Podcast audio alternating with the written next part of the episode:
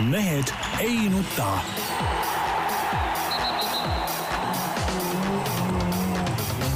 mehed ei nuta. selle eest, et mehed ei nutaks, kannab hoolt Unibet, mängijatelt mängijatele. tere teisipäeva, Mehed ei nuta eetris, nagu ikka, Tarmo Paju Delfist, tervist! Peep Pahv Delfist ja Eesti Päevalehest, tervist! Jaan Martinson Eesti Päevalehest, Delfist ja, ja ka igalt poolt mujalt. no nii alustuseks, mis teie südameid vaevab? minu südant vaevas see, et, et väga huvitav kirjutis oli, ma ei mäletagi, kus oli, kui kirjutati sellest suurõppusest Siil, kus äh, läksid siis nii-öelda üle aja või need äh, kuidas need on, kunagi kutsuti neid partisaniks. Kutsuti, kutsuti siis sinna õppustele, ütlesid, et nokkisid kõik need üksteist päeva nina. üks vend sai valmis voolida kolm puulusikat. noh, kellel nuga kaasas ei olnud, see puulusikaid teha ei saanud, aga see vahtis niisama, keegi luges raamatut, plokkide kaupa tõmmati suitsu ära ja aru ei saa, et üksteist päeva pandi lihtsalt huugama. seal raha kulus, raha põles tööd teha ei saanud ja küsis, et mis on kogu selle asja mõte, et, et selge, et mõned seal käisid, noh, nagu sa, Peep, ütled, et sarved peas ja mööda metsa roomamas, aga, aga suur seltskond seda kahjuks ei teinud. ei no see oli ka vanasti ka niimoodi, et põhimõtteliselt ju kordusõppused nii-öelda oli ju lihtsalt nagu jo joomaüritused tegelikult. no absoluutselt. see on kogu aeg niimoodi olnud ja, ja ma ei saagi aru, et. nagu klassi kokku tuleb. jah, täpselt, et, et mida seal niisama seal nokitsesite puulusikate ja nendega, see tõesti siis külapoodi kuskil ei olnud läheduses, et ära käia või? ütleme, mina olen. kõige noorem käib ära, no lihtne, milles küsimus. ja ma olen ükskord käinud kordusõppustel, oli see Tondi kasarmutes oli ja siis esimese asjana, nii kui mundrid selga saime, nii kohe tõmbasime väikse, Tallinna väikse õllekasse, toodi sealt suurte kolmeliitriste purkidega õlut ja, ja aga ma pühapäeva lõunast juba lasin, pidime õhtul sinna passima. ma lasin lõunast jalga juba, maks ei pidanud vastu kogu sellele kordusõppusele no nii on. kuigi siil... ma olin noor mees. aga ma saan aru, et Siili eesmärk ei olnudki sõjategevus, vaid oli harjutada nagu sellist nagu, nagu sõjaeelset staadiumit, kus nagu sõda veel ei ole no.. no seal Keilas ka mängiti lolli ju, seal iga sissesõidu peal seal passiti, eks ole, noh, see oli eelmine nädal juba, nüüd juba isegi üle-eelmine nädal lõpp. noh, mõttetu tegelikult. ja kontrolliti joovet, jah? kontrolliti joovet. tähendab, põhimõtteliselt, kui meil hakkab seda kontrollisid politseinikud, sõdurid seal, nii-öelda sõdurid, kordusõppuste mehed, need seal niisama seisid seal automaadilaadsed asjad olid neil kaelas, ma ei tea, kas päris automaadid olid või kas pauku tuli või no.. et siis põhimõtteliselt, kui nüüd Venemaa meid ründama hakkab, siis tormavad politseinikud äh, joovet no, kontrollima? okei okay.. aga siis ju äh,, ei see on selge äh,, Punaarmee ei saagi siis peatungi teha, sest need ju, nendele jagati nii-öelda rindenormi alati välja, eks ole. sada grammi. sada grammi, eks ole, noh.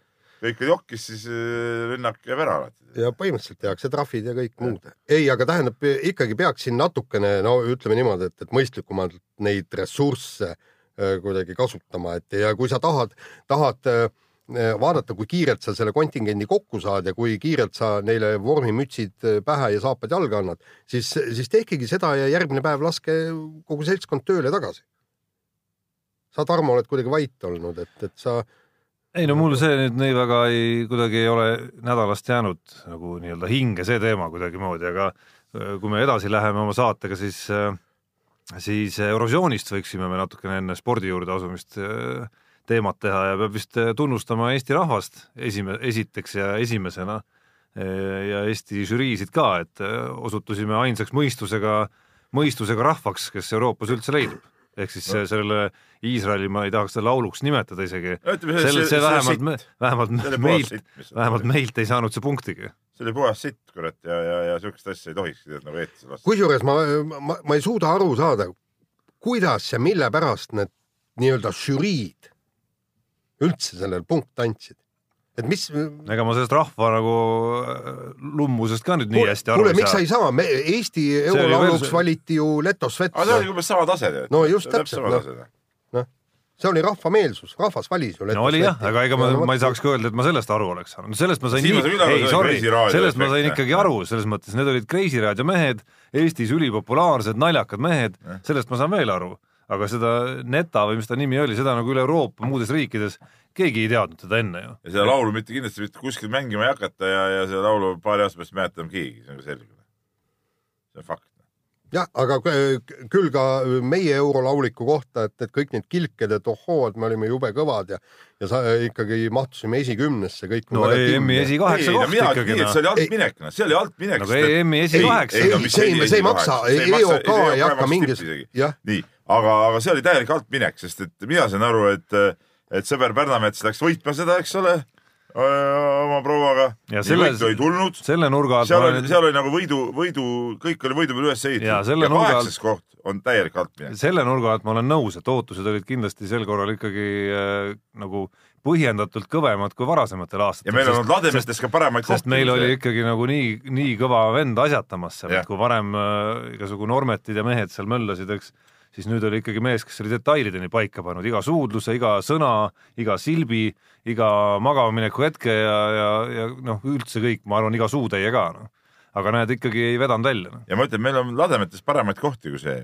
et Pärnametsa Eesti spordi kallale ikkagi ütleme, olümpiadelegatsiooni mänedžeriks ei ei võtaks saa. panna, Ei, et ei, Martti. Rajul jääb, jääb, Jääb töö alles. Martti, võta, võta rahulikult. et Normet jäi ilma, aga, aga, Aga aga Martti. Rajul on okei okay kõik. me ei lase seal juhtuda, tööta. ja kiirelt viimane asi on see, et, et minu meelest on väga tore, et ettevõtjad äh, kavatsevad nüüd meie riiki hakata reformima ja käivad välja vähemalt oma nägemuse, kuigi ma arvan, et, et see sellest nagu tulu no ei mis, tõuse ma mõtlen, midagi. mis see siis nagu tulem on? käivad välja, aga edasi, no vot just täpselt siis see. peavad ju poliitikud selle ära tegema. kusjuures äh, lugesin äh, paar aastat tagasi Ronald Reagani elulugu ja seal oli ju see, et, et ta ise kutsus ärimehed tegema riigile auditit.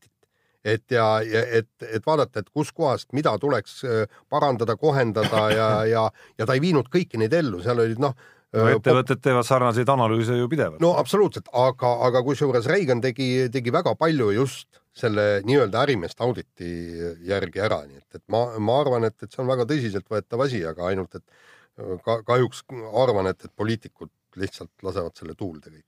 nii, noh, hetk on natuke soodus samas, kui enne valimisi jõutaks veel midagi ära teha, vaata siis saaks nagu natukene võib-olla õitseda valimistel selle No no,, ei sellesama tea, asjaga noh. ei tea, keegi ei viitsi, keegi ei julge siin midagi midagi tegema hakata. nii, kuulge, aitab poliitikast, räägime, meil on spordist hästi palju rääkida, meil on pallimänge, võistlusi ja, ja niisugust niisama tutulutu juttu on midagi vähe. erilist ei ole ju. no miks ei ole, näiteks noh, Saaremaa võitis nüüd ka kolmanda karika ja, ja Hurraa. hurraa, see, on tegelikult tore Saaremaa rahvale pakkuda, kes on kasvatanud aastate kaupa öö, Eesti koondise tasemel võrkpallureid ja siia, siiamaani nad lihtsalt pidid vaatama, kuidas omad poisid kuskil mujal medaleid võivad, võidavad. nüüd tulid poisid koju, vähemalt osa neist ja, ja, ja pakkusid saarlastele rõõmu ja vaadake, see fännkond on seal ka tegelikult päris suur ja, ja ja kindlasti sellel Saaremaa rahval on uhke olla. iseenesest oli uhke, samas nägin ma ka eelviimast finaalmängu, kus ma vaatasin, et äh, see, mis tuli, toodi siis seeria läks tagasi Saaremaale, see, kus nad kolmanda võidu kätte said ja ikka väga palju tühja kohti oli ka tribüünil, ma olin nagu nagu täiesti hämmastuses, kuigi ma saan aru, nii palju, kui ma olen lugenud ja kuulanud, et ja vaadanud, et noh, üldjoontes oli seal publiku huvi nagu alati väga suur ja isegi päris äge fännitiim käis alati nagu välismängudel ka kaasas.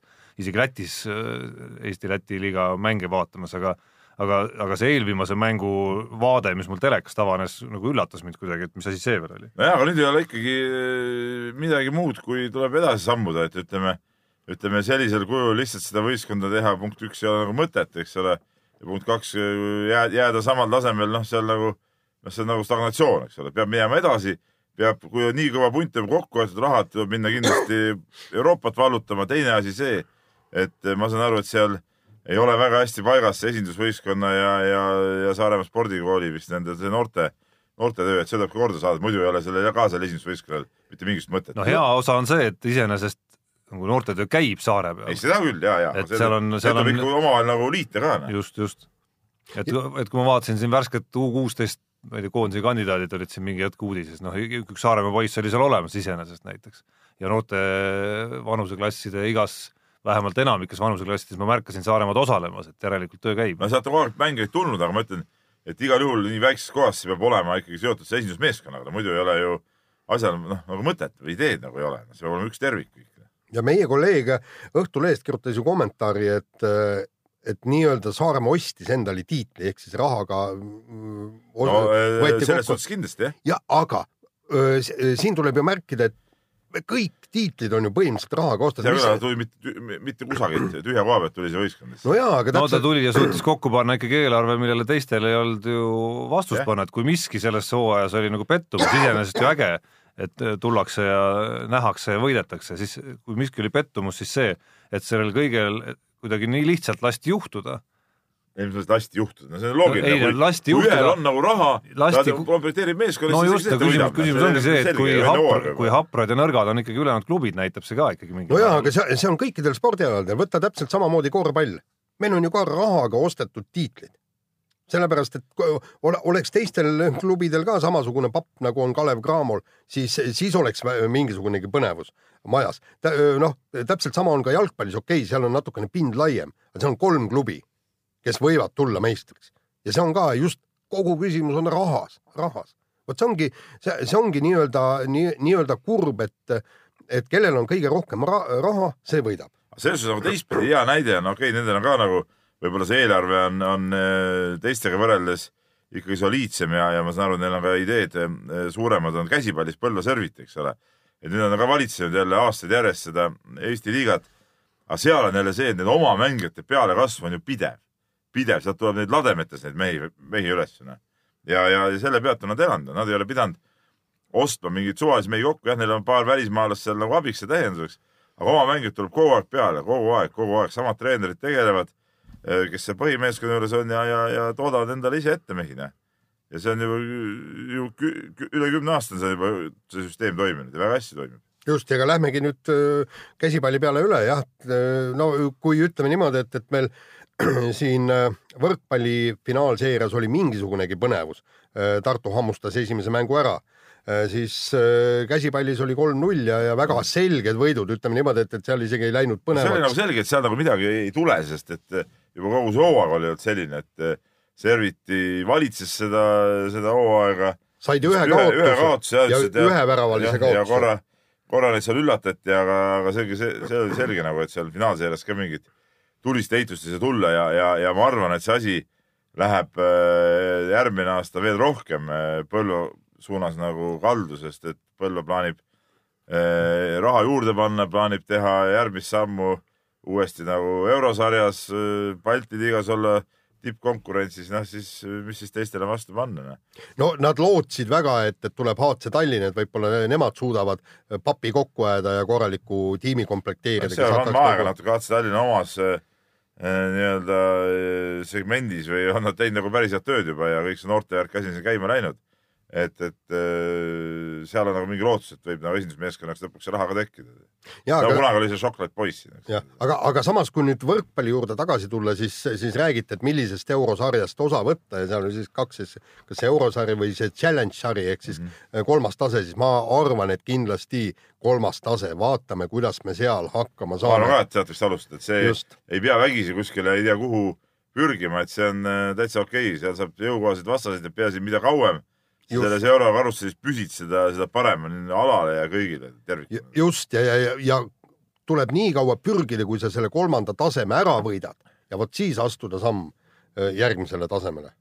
aga noh, minu arust on kuskil ka selline, see tekib alati hästi kiiresti, see võidad korra ära ja siis, ja siis noh, Peep eriti on seda kasutanud, et et, et nõuab kohe nagu kindlasti peab mingi järgmine samm tulema, et sa ei saa nagu samal tasemel nagu püsida. noh, Rapla kontekstis me oleme nagu rääkinud sellest siin omajagu siin saates, et lõppkokkuvõttes mingi võlu siiski on ka selles, kui suuta hoida seda, mis olemas on seda, et sul äh, tekib mingisugune süsteem, tekivad oma noored, et, et aasta, aastaid, aastaid, aastaid, lõpuks aastakümneid isegi enam-vähem selles samas mustris suudetakse teha ja noh, ei pea tingimata üle varju hakkama hüppamagi, et Jaa, selge et selge, et sellel Saaremaal ja Euroopa vallutamise plaanil on noh, mingi realistlik piir on siiski nagu ees. ja sellega ma olen nõus. Nii nii rahaline kui ka, ma arvan, mängijate ressursi. jääda ainult koduliigasse omasse mahla küpsema, seda näitas ka seesama Põlva käsipallivõit. Kalmer Mustingu peale mängu rääkis ja küsis, noh, et, et kuidas see on, eks ole, et läheb peoks ja nii edasi, et ah, mis, mis siin ikka, esmaspäev on tööpäev ja see on juba unustatud ja, ja nii on.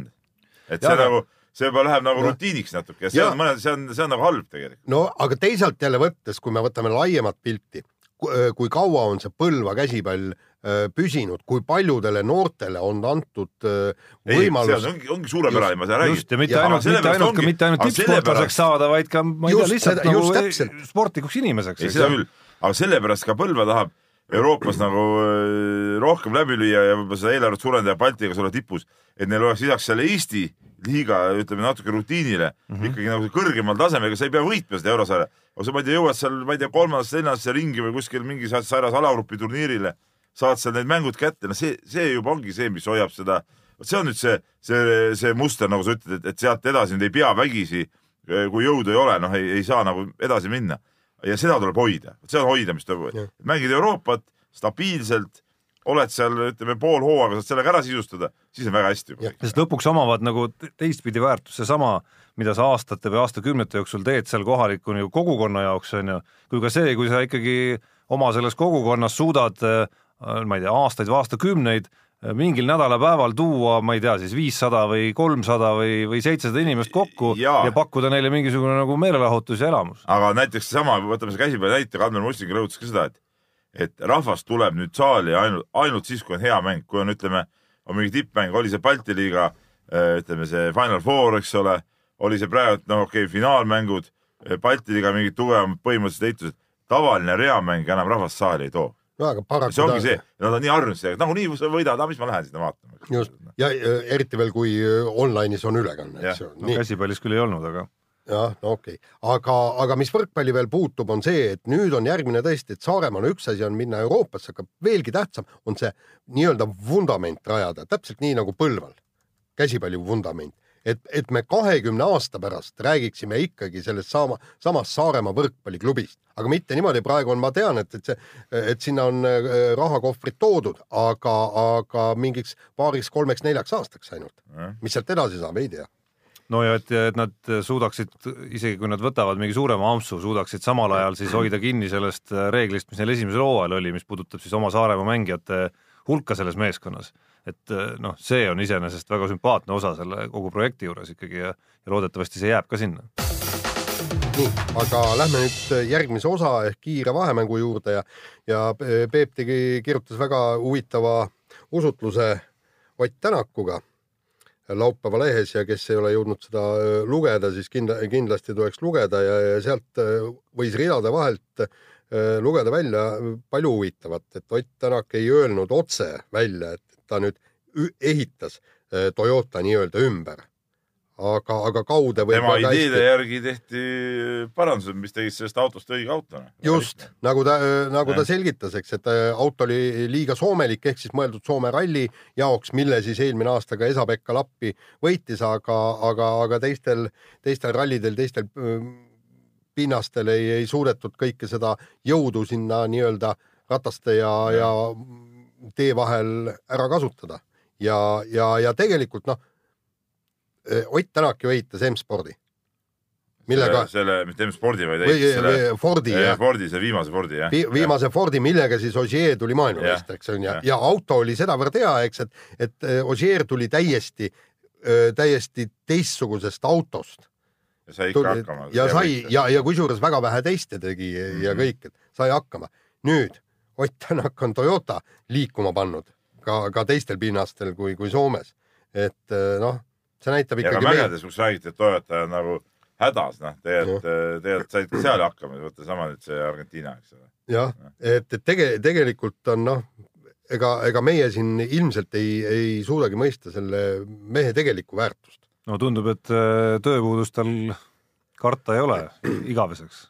No tundub küll jah, et Isegi pärast sõitjakarjääri. siuksed testivennad ja, ja seal, seal muidugi on konsultandid ja seal, seal on, on nagu tööpõld on lai, ma arvan jah. aga kusjuures ma hakkasingi just seda artiklit lugedes mõtlema, et, et mis selle Ott Tänaku tulevik võiks olla, et, et, et noh, ma arvan, kui ta tahab ennast ralliga siduda, siis ta leiab tõesti mingisuguses tiimis töö, kas insenerina või, või, või ma ei tea, ma ei tea, võib-olla noh, tiimibossina võib-olla vaevalt, et ta ei ole niisugune sebija vend, et ta tunneb seda autot hästi, et, et aga, aga, aga vägev jah, jah. nüüd vaatame Portugalis, mis siis saama hakkab, et noh, noh, kurb on see, et sina lähed kohale, aga noh, no sellest me veel jõuame rääkida mis on kurb ja mis ei ole, aga vahetame teemat kiires vahemängus ja räägime Rein Taaramäe äh, järjekordsest kuldmunast, mis tema suust on pudenenud. nimelt andis ta teada, et teine või kolmas või neljas, üks pass kõik, tema tahab võitu, mida ei ole küll väga palju tulnud viimastel aastatel. no aga rattasõidus ongi nii, et oled sa teine või kolmas, seda ei mäleta mitte keegi. no ta, seda ei ole isegi ainult Tour de France'i teist kohta ei, ei mäleta. ega ei mäletata jah et me, tead, meie võib, jah, meie võib-olla siin äh, konnatiigis tõesti näiteks me loeme, et, et kui palju on äh, meie ratturid tulnud maailmameistrivõistlustel esikümnesse ja kõik nii, et. ja, et kunagi olümpial oldi viienda. ja, ja täpselt jah ja., aga, aga, aga samas noh, ütleme niimoodi, et, et see on jalgrattasõidu mentaliteet, aga täpselt sama on ju ka noh, võta kasvõi rallis, eks me vaatame ka ralli võitjaid, eks et okei okay,, seal vaatad ka võib-olla, et palju neid on poodiumi kohti, aga lõppkokkuvõttes ikkagi loed neid maailmameistritiitleid ja rallivõite ja, ja kiiruskatsevõite. Ja Ameerikas on vapšee seal on ju. mäletan, et kui me mängisime kunagi pesapalli seda Little League'i, käisime, käisime mängimas ja siis oli suur finaalmäng, no meie ei osalenud seal, me olime kuuendad.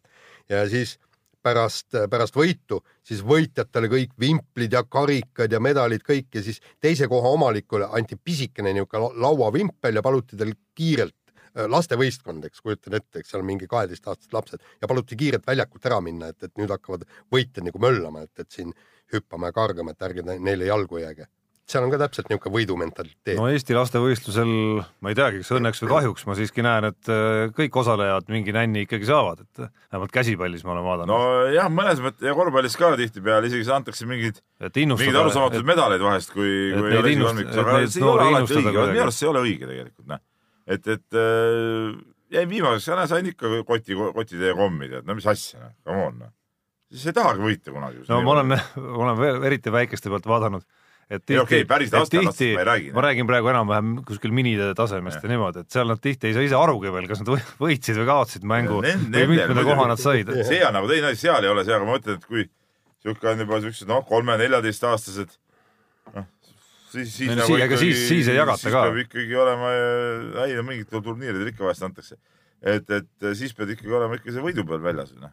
kusjuures, aga vaata see, see Taaramäe nii-öelda väljaütlemine, et, et see, see, see annab ka selgituse, et miks näiteks seesama äh, Tanel Kangert ütleb, et noh, et jah, et, et seal ühe esikümne piiril või kuskil seal äh, kümnes, üheksas, kaheksas koht Girol ei anna nagu suurt midagi, aga vaat saaks ma selle ühe etapi võidu kätte. vot see ongi see võit, sa võitsid, sa olid sellel päeval parim. sa olid esimene. no seal maailmas ka ütleme, noh, see reaalne eetriaeg on hoopis teine, kui sa, kui sa oled selle võidu ikkagi kätte saanud. eetriaeg nii sulle kui su tiimile. no just. nii, aga meie tennisepiigad on teinud jälle vägevat mängu ja eile Roomas siis äh, alustati põhiturniiriga ja nii Kaia Kanep ja Kanett Kontaveit said vägevad võidud ja andsid kahe peale kokku siis vastastele ainult äh, viis geimi, et, et noh, midagi pole öelda, päris võimsad põrutasid ja Jaan, sa siin enne äh, saadet ka rääkisime, sa olid eriti Kontaveidi mängust olid nagu väga vaimustuses. no tegelikult olin, tähendab noh, see, see oli, see oli nii uskumatu tasemevahe, et, et, et kui, kui sa vaatasid, eks maailma kuueteistkümnenda reketiga, mis ta oli, Kiki Van de Vege. ja, ja, ja mis no tähendab, Kontaveit mängis esiteks hästi ja teiseks ta mängis targalt, tähendab, ühesõnaga kummalisel kombel võib-olla ma, ma ei ole nagu varem nii täpselt äh, märganud, aga ta leidis üles vahelöögid. ühesõnaga, kui ta kohe rünnata ei saanud, siis ta tegi üks-kaks rahulikult vahelööki, mängis siis vastase kas väljakust välja või ebamugavusse positsiooni ja, ja virutas alles siis.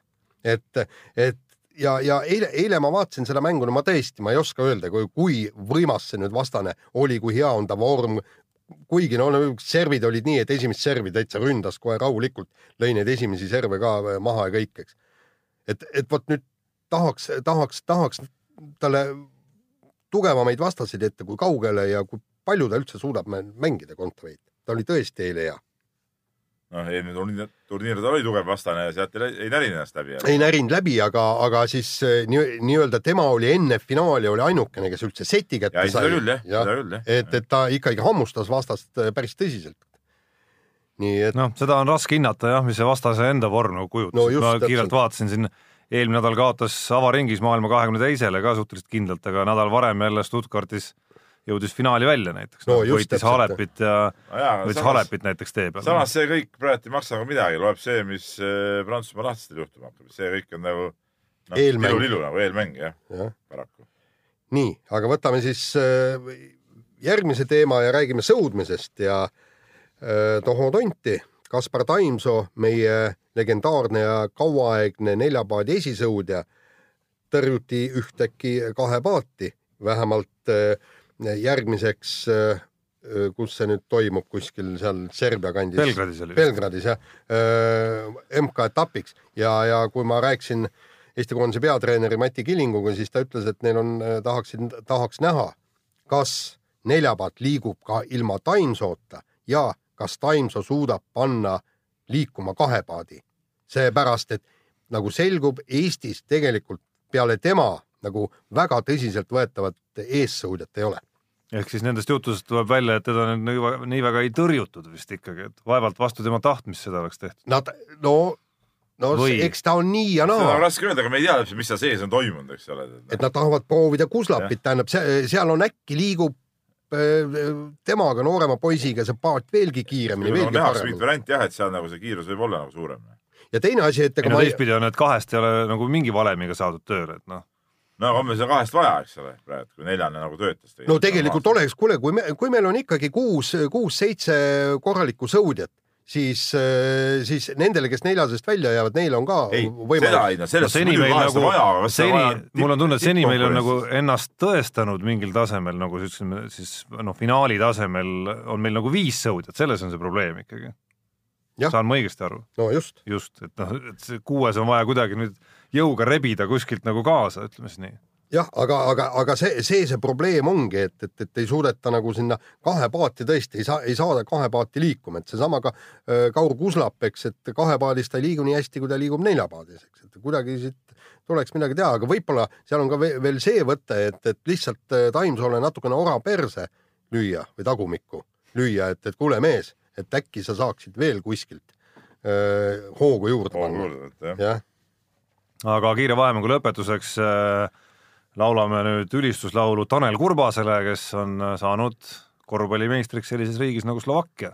noh, tiitel on tiitel ja kõik on tore, aga teisalt jälle noh, Slovakkia meistritiitli üle nüüd ülistuslaulu laulda ei näe ka nagu otseselt põhjust, et minu arust mees on ikkagi põgenenud äh, normaalsel tasemel korvpalli juurest, mida oleks saanud näiteks Kalevis mängida kuskil, kui on põgenenud ikka täitsa marginaalsete korvpallimaade tsempionaatidele. kuule, Peep, teeme nüüd, on.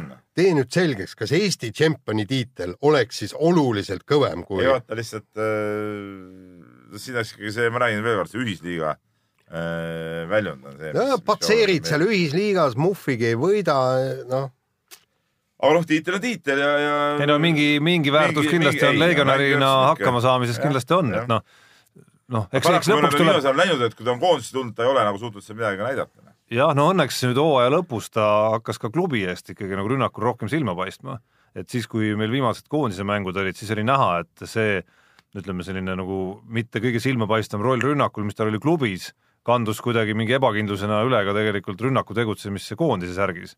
et äh, ma tahaks väga loota, et nüüd see vi- viimase aja hoog, mis on, mis on nagu seal klubis äh, toimunud ja muutunud natukene, et see kuidagi kandub jälle ka samamoodi positiivsena üle natukene, et seal, seal mingi selline nagu, mingi selline nihe, nihe jah. toimus igatahes.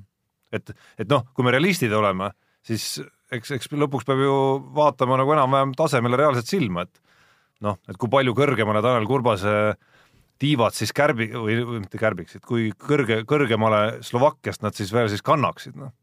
Rootsis ta mängis ju no Rootsis ta mängis, noh, ütleme, ega need väga, väga erinevad tasemed ei ole kindlasti. Et noh, kas sealt samm edasi, ma ei ole kindel, kas on tema tase, ma ei tea, Saksamaa või Poola või, ei, muidugi jah, kahtlane natuke, tõesti on ja ei noh, tore, palju õnne. vähemalt sellises rollis. ootame, ootame koondisse. nii, aga lähme kirjade rubriigi juurde Just. ja kirju on palju ja, ja huvitava kirja on saatnud Siim meile ja, ja kirjutab sellest, teades, et kaks tuhat kakskümmend neli olümpiamängud toimuvad Pariisis, on suur võimalus, nad lisavad ühe oma meelisalana sinna sisse just pentangi. et eh, ta siin räägib, kuidas on ise seda ala harrastanud ja jälginud ja oleks huvitav kuulda, mida teie sellest alast arvate ning kas see oleks midagi uut ja põnevat, mida olümpial jälgida? noh No- no,, minu no- arust see on täielik umbluu. ei ole, oota, Peep, kindlasti ei ole umbluu, tähendab, ma olen ise ka mänginud Ma tanki olen ka. mõned mõned mõned, mänginud? mõned korrad ja kõik nii. kui me nüüd vaatame, mis alad võttis äh, äh, Tokyo endale, kus on mingisugune mööda seina ronimine või, või seal oli veel miskid alad, ma isegi ei mäleta, mis, mis asjad need on, siis petank on tegelikult äh, selle kõrval ikkagi, ta on mäng, ta on no ta on sportmäng ja ta on lahe. aga ta on üsna marginaalne ikkagi, olgem ausad. no ta Maailma ei ole kuule, maailma mõistes kindlasti, tähendab, ütleme, kas, kas sa oled kuskil siin mööda seinu roni, ronimas käinud või, või, või või, või mis pagana, aa, rulasõit, noh. no rulasõit on kindlasti oluliselt äh, vähem nurgatagune kui petank. ei no jaa, aga petank ole, ka mingi olümpia. ei no okei okay,, rulasõit on see, sinul on mingi isiklik see vimm kõikide nende vimm. uute ja noorte ja kottpükste, kottpükste ala vastu on sul lihtsalt mingi Mööda isiklik teed. kiiks. mööda teed ma võin rulaga sõita. sina võid või? muidugi, olen sõitnud noorena. ja ei, aga minul ei ole pat- petangi vastu absoluutselt midagi. tänasel päeval tasuks äh, retk ette võtta enam. aga ma ütlen veel kord, et noh, kõik need siuksed, jätame selle olümpiaprogrammi rahule, no ei pea igasugust kuradi jura sinna tooma sisse. nii ongi. nii, aga nüüd on kiri, on tulnud siin Vasalemma korvpallist ja, ja orangutangu nime alla äh, varjuv, tegelikult me teame, et tegemist on Ott Vilipuuga loomulikult, kirjutab, et eh, tahtsin küsida, et kas, et Pahv on kõva kossumees oma arust. aga küsib, et miks eh, arendatakse korvpalli hoopis Keilas, aga mitte, mitte Vasalemmas, et ta ütleb, et Vasalemma inimesed on pettunud. no tead, see muidugi näitab jälle mehe asjatundmatust. Keilu korvpallikoolil on Vasalemmas oma sektsioon olemas, nii et selle, sellega on nagu kõik korras. siin ta küsib, et, et kas on, et kes on või olnud Vasalemma kõige kõvem korvpallur eh, peale Pahvi muidugi. aga ma ütlen, et eh, peale minu ei olegi eriti kõvasid olnud. tühi maa. tühi maad, tükk tühja maad, binokliga vaadata. mis su see tippsaavutus siis sai ei, see ei olema? puutu praegu asjasse, sest vaata, vaata mõned mehed on platsi ees ja teavad, ega see saavutus ei pea olema ei ole mingit saavutust, ei ole? ei no see saavutus on see, et meeskond mängis aastaid seal kus, nii väikses kohas, mis, kus ta mängis? madalamaid liigasid Eestis, teist ja kolmandat isegi kunagi siuke oli, igast ligasid mängiti.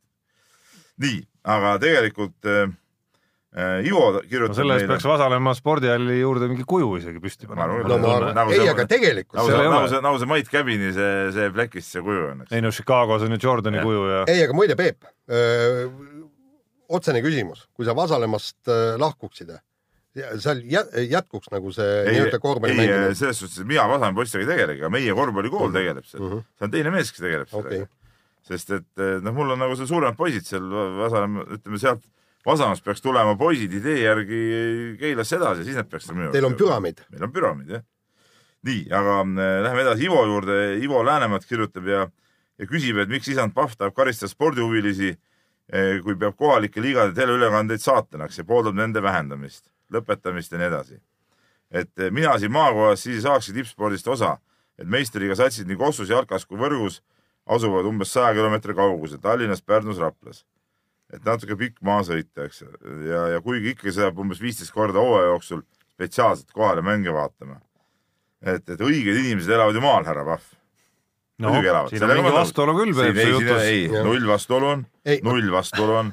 olen alati elanud linnast väljas, aga alati käinud ka mänge vaatamas, omal ajal eh, rongiga sõitsin KSMK spordi jalgpallimatše vaatama. just ükspäev rääkisin poisile lugu, kuidas eh, kuskil see oli kaheksakümnendate keskel, ma olin eh, sovhoosis noore poisina suve traktori peal tööl, oli vaja kartulipõld ära mullata, eks ole, see suur-suur põld oli antud ette. MTZ kaheksakümnega Belarusiga, aga samal ajal oli Tallinnas eh, mingi kevadine korvpalliturniir, kus eh, Kalev mängis. ei polnud midagi, tuli minna kella nelja paiku põllule ära teha, et kaheteistkümneks töö tehtud ja rongi peale ja, ja Tallinnasse vaatama, et ega midagi pole parata.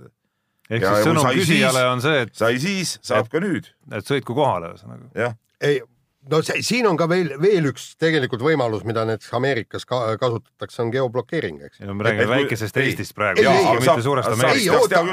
Kui Tallinnas on mäng, eks ole, ja ta, Tallinnas ei näe, jah, Tallinna ja Harjumaa võtame välja just. ja kõik muu Eesti näeb. ma ei, ma ei ole IT-s nüüd piisavalt võib-olla pädev, aga ma ei ole kindel, et väikeses Eestis, mis on nagu oma ütleme siis mõõtudelt ja rahva hulgalt väiksem kui ütleme enamik USA linnu, et see, kui hästi see nagu päriselt toimiks, et ma arvan, et kõik need piirangud ja mittenäitamised, ütleme nende, nende ai- ainus saavutus oleks see, et nende alade ja liigade veel marginaalsemaks muutumine lihtsalt ei muud midagi. jah, võib-olla ka.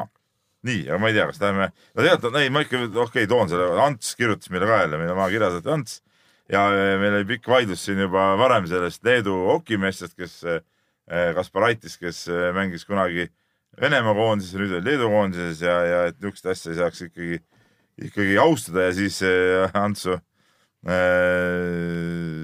Antsu veel tõi teema sisse, mis sa, Jaan, rääkisid Seemi juurde, et enne, enne siis äh, suurt võidupüha sa vaatasid ära kohustuslikku äh, Vene sõjafilmi ja nii edasi. ja, ja, ja Ants kirjutab nii, et mina muidugi neid filme ei vaata, aga vaatasin Nõukogude endisiaegseid komöödiaid meelest nagu Kaukaasia fang, Briljant käsi ja siis uue aasta film Hüva leili. Et, et need on äh, ajal, mil, eks ole, filmides oli palju Brežnevi ideoloogiat peale surutud äh,, siis nendes filmides seda seda ei, ei, ei, ei, ei olnud nagu, eks ole, Briljant käsiga oli, oli Antsu meelest pigem osavalt varjatud Nõukogude Liidu elu paroodia. et, et seal olid igast huvitavad kujud, see miilitsa võrdkuju ja elamukooperatiivi esinaise tüüp, seal tõesti tüpaažid olid ju, ju vägevad, eks ole. et, et, et, et nii on ja, ja, ja Ants kutsub üles, et neid selle asemel, et vaadata neid sõjafilme, eks ole, patriootlikke, vaata parem Nõukogude Liidu aegseid kvaliteetfilme, Jaan. no aga aga ma olen neid filme kõiki muidugi näinud. Kaukaasia vangi, Briljant kätt, Operatsioon Õõr, Suurik seiklus, ma arvan, kõiki neid, no ma arvan korda kakskümmend vähemalt, kui mitte rohkem. ja, ja, ja, ja, ja, ja nii ongi. ja ei, aga sõjafilmide puhul on see. ta toob muidugi näiteks sõjafilmidest veel äh,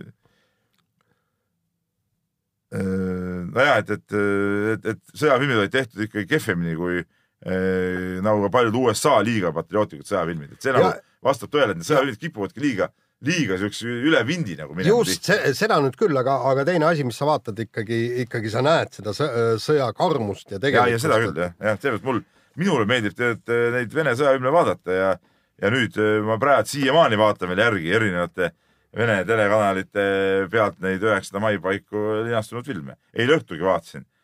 lõpetasin vaatamise kuskil pool kaks öösel. peale hokit, hokit hokit hakkasin vaatama, jah. hakkasid sõjafilmi vaatama. Läti, jah. ja see on üks, üks väike sihuke pikem seriaal veel isegi, mis seal praegu jookseb seal. seal, see on Ukrainas ja Kiievi ja Harkovi sõja ajal seal, kuidas seal uuriti seal ka kuritegusid, päris, päris põnev on see. seal just otsest sihukest lahingutegevust ei toimugi, seal on nagu peenemad mängud, väga-väga huvitav nii. nii, okei okay.. väga võimas. võimas muidugi, ei, normaalne, sa võiksid ka, Tarmo, ikkagi sõjafilmide. sa ei, peale Okit ei hakanud midagi vaatama? ei hakanud kusjuures. Oki lõppes nii vara ära, siis läks magama? ei, mul oli seal natukene tööasju tegin ja siis varsti läksin magama ka, jah. noh, ei, aga sa võiksid. Okit vaatasid või? Okit vaatasin. mõned sõjafilmid ikka võiksid ka ära vaadata. ei no ma olen vaadanud, Jaan, siiski mõned sõjafilmid ja, ka ja mis puudutab Hüva leili, siis vähemalt selle filmi puhul võin ma nendest vanadest Nõukogude filmidest öelda, et seda on tõesti kümmekond korda nähtud vist ka ise. operatsioon Õõd ei ole või? nii palju mitte jah, kindlasti. Nonii, lähme nüüd spordi juurde tagasi ja äh, järgmine saate osa ja esimene teema siis äh, räägime Ragnar Klavanist ja Liverpoolist. Inglismaa meistrivõistlustel äh, võideldi välja neljas koht, pääseti taas kord meistrite liigasse, kuigi neid ootab veel ees meistrite liiga finaal. neljas koht meistrite liiga, noh, kõik, mis, kõik, mis peale. kas sa, kas sa mängid siis tsempionaati meistrite liiga koha peale või tsempionaadi medali peale? ei no meistritiitel pluss medalid. No... neljas koht. see oli nagu kvalifit-, kvalifikatsiooniturniir. tühjad pihud ja. mingi medal ei huvita seal ka kedagi, Peep nüüd siiski, nii nagu Taaramäe ütles, teine, kolmas ja neljas vahet ei ole no,. et selles mõttes see neljanda all olev joon siiski on äh, nii-öelda samm number kaks, kui tiitlit ei saa ja noh, tiitel oli nagu sa isegi tead siiski nagu väga püüdmatus kauguses. aga, aga no ma, ma, ma tõesti ei oska selle Ragnar. medali jaoks ei olnud, ma ei saa, medal oleks sellest toolest mälestuseks, et sa mängisid seal. neljanda kohast ei jää mitte midagi. ei no jaa, aga Selles ikka tuleb meelde. no äkki antakse. no näppude vahele jäi Ragnar Klavanile sellest hooajast isegi hoolimata sellest, et ta vahepeal oli vigane, vahepeal oli haige, jäi ikkagi nagu noh, ma ütleks isegi nagu ootamatult palju noh, väravast alustades, aga ka mänguaja mõttes, et kui siin äh, eilses Päevalehes oli vist äh, ülevaade sellest nii-öelda minutitest ja sellest, kuidas Klaavanil läks sellel hooajal ja, ja isegi minutite osas olid need numbrid natukene paremad kui aasta varem, hoolimata sellest samast nagu väga keerulisest paarist kuust, mis tekkis pärast äh, uue kaitse tulekut just kõige halvema asjade kokkusattumusena, siis ma ei tea, müts maha, vägev värk, noh, tegelikult ikkagi Eesti pallimängu kunn on Ragnar Klavan ja, ja teine asi on see, et, et me noor reporter Madis Kalvetiga ikkagi vestleme ja ta ütles, et, et ta on juba ammu öelnud, et noh, kui ammu, eks, et aga, aga et ikkagi Ragnar Klavan on Eesti läbi aegade parim jalgpallur ja, ja iga hooaega ta veel kinnitab, Klaavan kinnitab oma kohta esikohal. ja minu arust, kuni ta püsib vähemalt sellises rollis, nagu ta sellel hooajal on olnud, ma ei näe küll põhjust, miks ta peaks väga hakkama kuskil kippuma Liverpoolist, kui tal leping lõpeb varsti, aasta pärast. noh, see on nagu kahe otsaga asi, eks ole, et noh, tegelikult ta saab ikkagi nagu vähe ju mängida ikkagi, see üldist mängude arv nagu. no aga ta on ikkagi maailma absoluutses nagu tippsatsis, eks ole sa oled mäng kirja sellest, et sa saad seal mängida mingi öö, viis minutit kuskil lõpus, no see ei ole ka päris see. ja no selles loos olid ikkagi minutid kokku loetud, mitte ainult mängud. ei, seda küll jah. aga need minutid, no vaadates see mängude arv veel ei ole nagu nii suured no jaa, aga seal oli ka mänge, kus ta ikkagi algusest kuni lõpuni kaasa tegi ja, ja kõik paratamatult, mis on nagu selle Inglismaa jalgpalli nagu suur pluss on see, et esiteks nad mängivad, kui Champions League ka on või ükspuha mis eurosari, eks ole. mängivad eurosarja, oma seda, siis on veel mingi üks Kaks karikas, karikat, teine jah. karikas.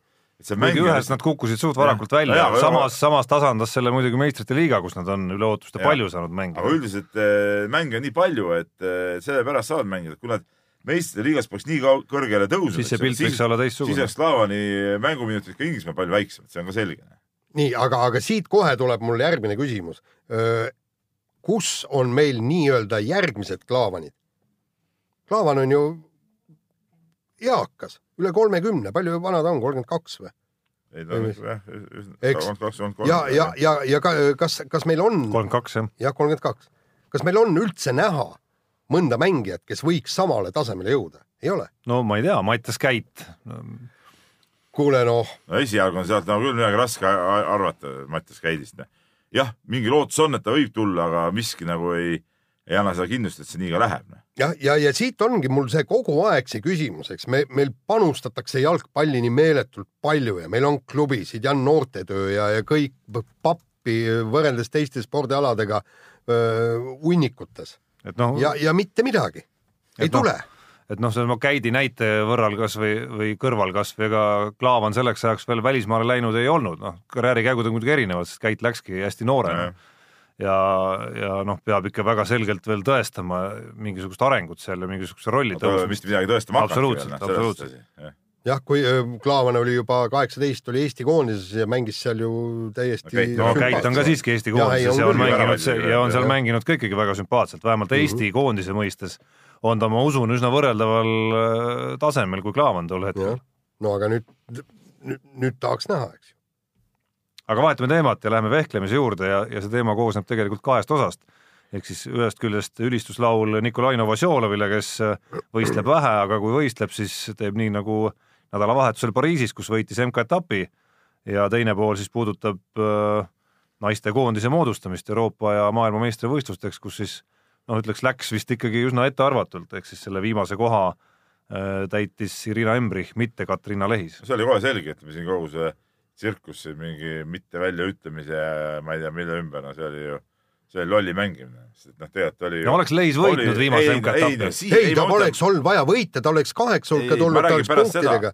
oli selge, et ta seal turniiril nagu kõrbes, siis oli nagu selge, et kõik käib nii, et ja, ja.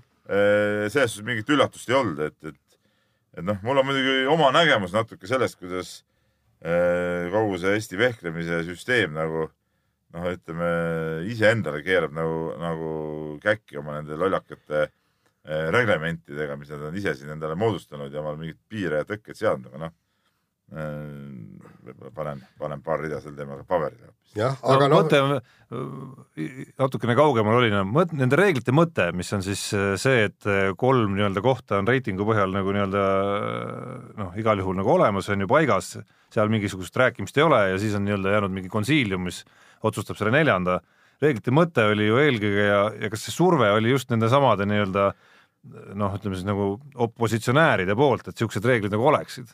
Jah, oli, nad mõnes oli mõttes küll, lõikavad jah. nüüd endale ei, nagu näppu sellega. sest neile ei meeldinud see, et peatreeneril on liiga suur otsustusõigus ju nii-öelda ainuisikuliselt.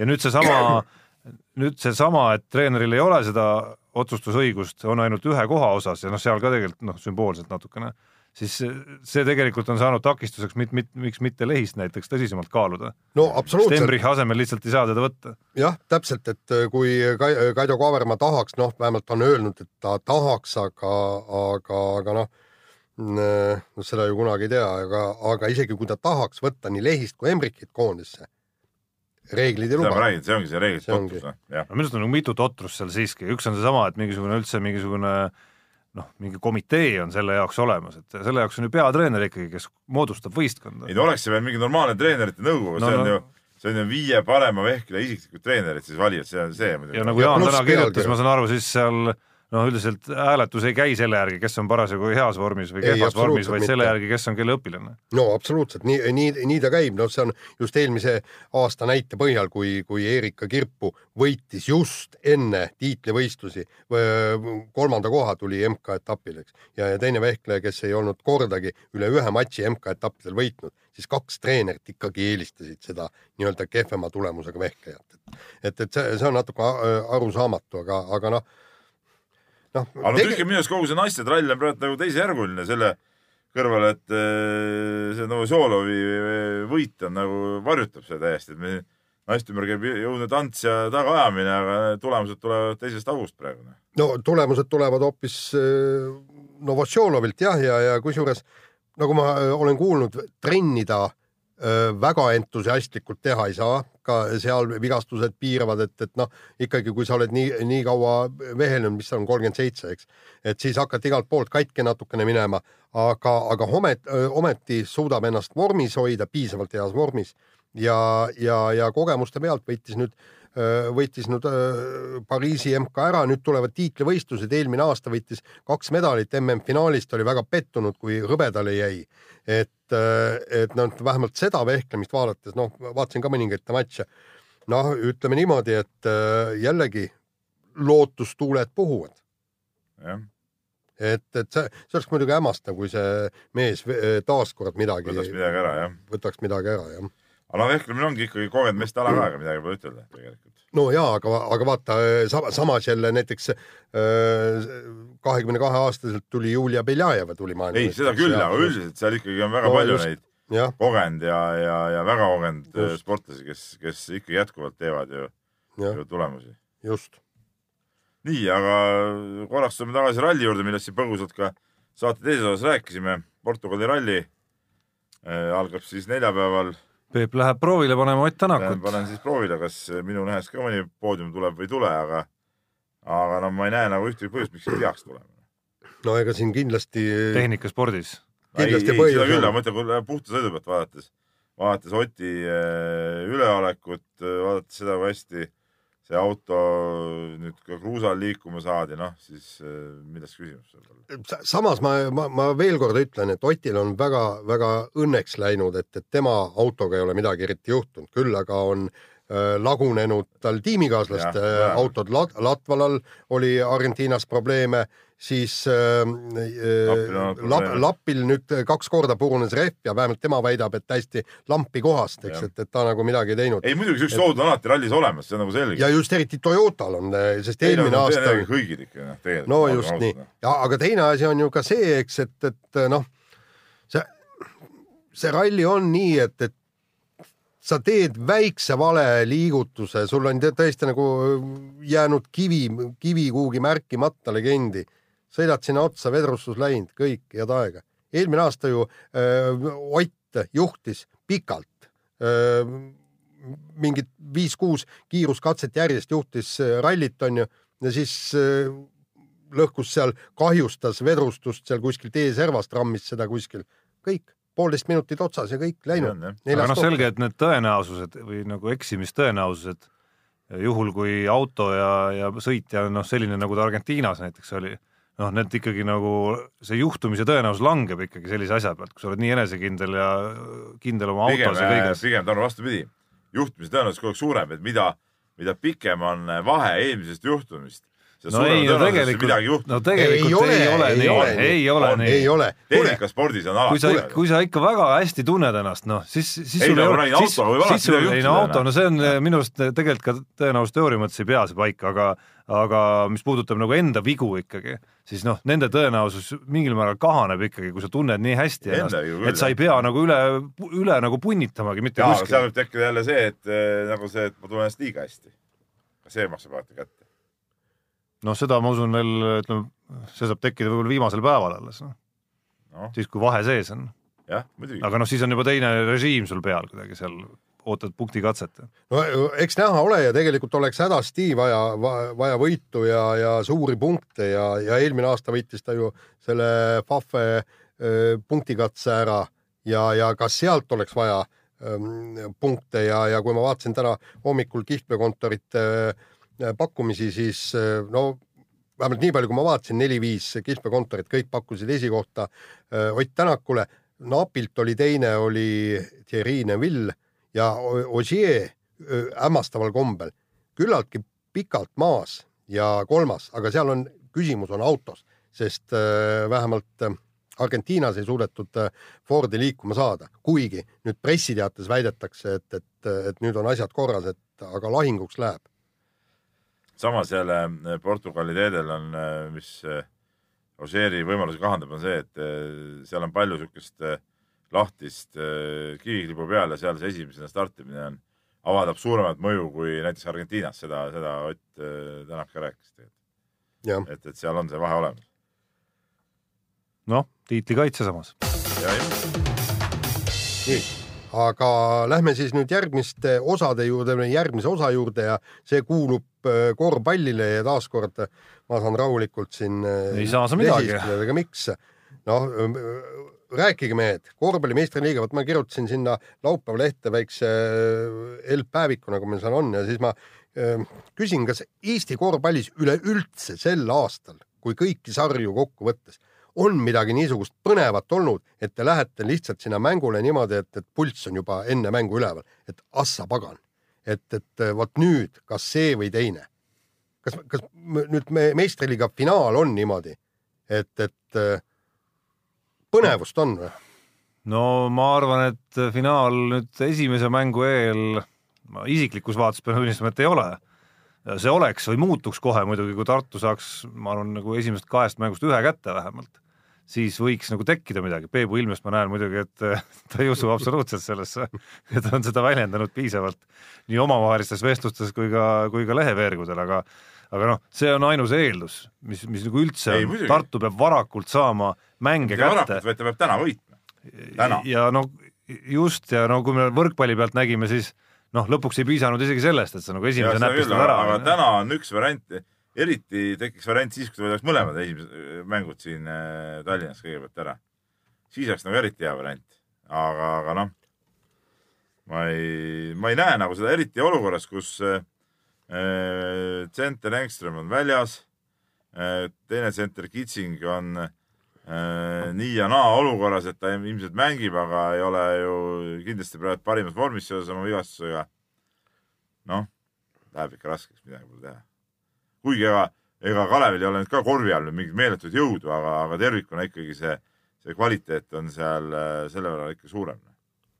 jah, no ma miskipärast ei ole nii pessimistlik kui Peep nende hooajamängude pealt, et, et äh, mul on nagu Tartu jätnud mingitel hetkedel sellel hooajal nagu sümpaatset muljet ongi, ega Tartu ongi ja, väga ja ta on ka suutnud Kalev Cramo vastu nagu Jah. mängida sellel Ja hooajal eriti hooaja teisel poolel, et, et ma ei näe, et seal mingisugune rullimine peaks nagu toimuda, toimuma, aga noh, minu arust selle nagu vastuhaku üks põhieeldus on siiski, et Tartu oleks ka täiskoosseisus ikkagi. et kui sealt hakkavad mingid tükid nagu ära pudenema, siis läheb nagu keeruliseks ikkagi. no teine asi on see, et natuke ikkagi oli minu arust ohumärk ka see seeria Raplaga, kus Tartu ei olnud võib-olla nagu väga veenev.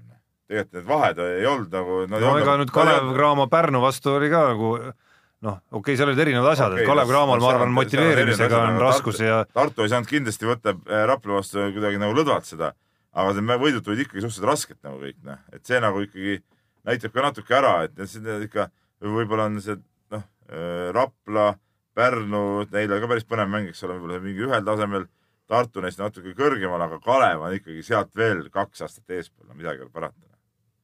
et see peaks tõesti olema mingi anomaalia või saab keegi veel vigastada, okei okay,, no tead, et Gregor Arvet võib-olla ei mängi, eks ole, võib-olla seal keegi veel kaob ära, et noh, no see võtme, võtmekoht on minu arust, kus noh, kus see Kalevi tugevus on ikkagi seesama Mirkovitš, Prisko äh,, Sokk, ütleme no mingi selline nagu kolmik on seal, mille vastu tegelikult nagu Tartul on nagu võib-olla kõige raskem isegi, võiks olla. et sealt kolmikust peaks mingi pudenemine toimuma, aga noh, nii ei taha midagi sellist nagu soovida. ei, seda ei taha soovida jah. nii, aga, aga nüüd mehed, rääkige nüüd tõsisemast äh, korvpallist ehk siis äh, kes võidab Euroliiga nädalavahetusel Final Four ja see on Final, Žalgiris, Final Žalgiris, Four on äh, puhas äh, loterii, olgem ausad. mulle see Final Fouri formaat eriti ei meeldi.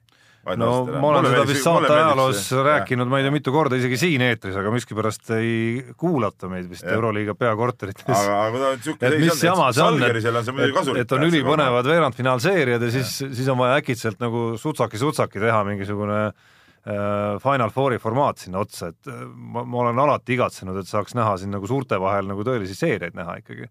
Aga muidugi on see Žalgirise veskile vesi, see on selge. noh, seal võib kõik mina küll ei julgeks öelda, et äh, Žalgiris ei või võita seda. ei, ma ei, vaatan nelja võistkondades kõik neli võivad võita, et noh, tead, see ongi, noh, Žalgiris on nagu noh, meil on nagu võib-olla need rohelised prillid natuke ees ka praegu siin, eks ole no on, aga Žalgirisel nagu ka psühholoogilises mõttes on võimalik, ütleme, olümpiaakost teha.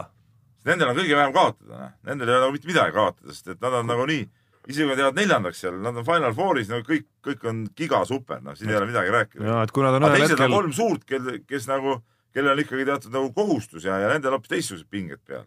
et Žalgiris, kui nad on ühel hetkel äh, ütleme, kolmandal veerandajal poolfinaalis Fenerbahce vastu kümnega taga, noh, täiesti nagu niisugune oodatud olukord. aga Fenerbahce samas seisus on Žalgirise vastu, siis jagab paha kuskil paha hakkavad mingid tuled nagu vilkuma ikkagi. jah.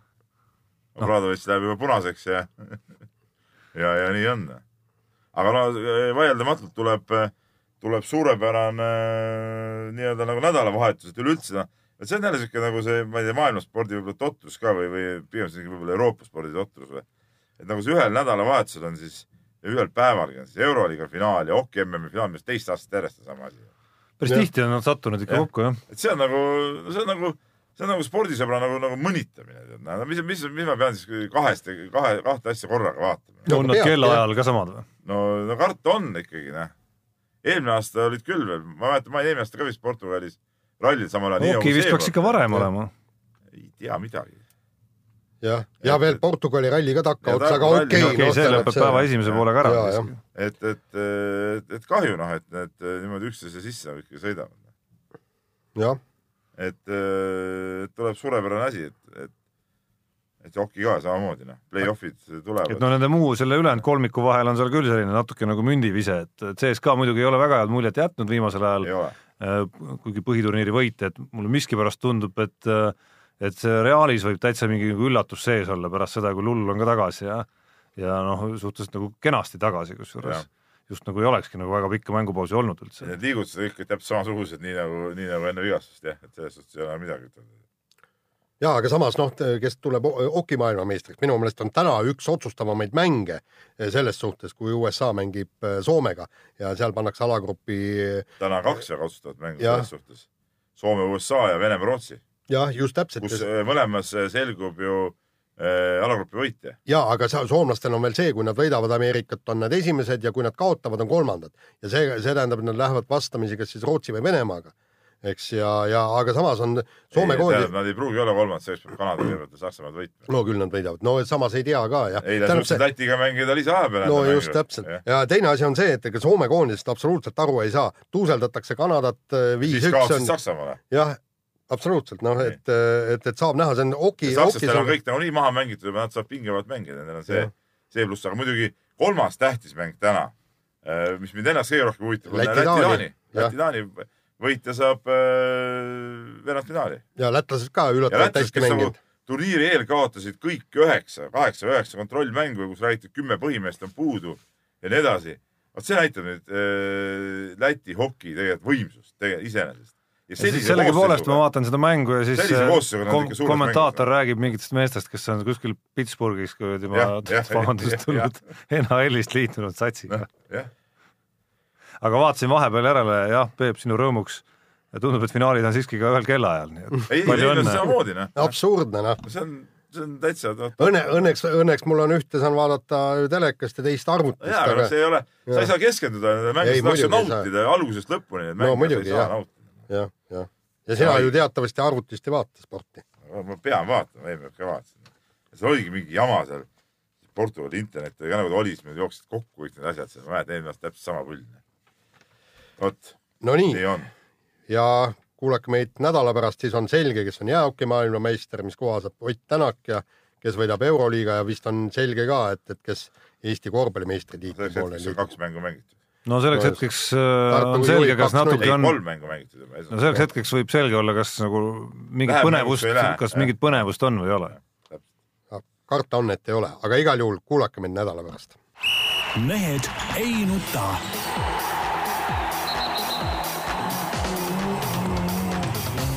mehed ei nuta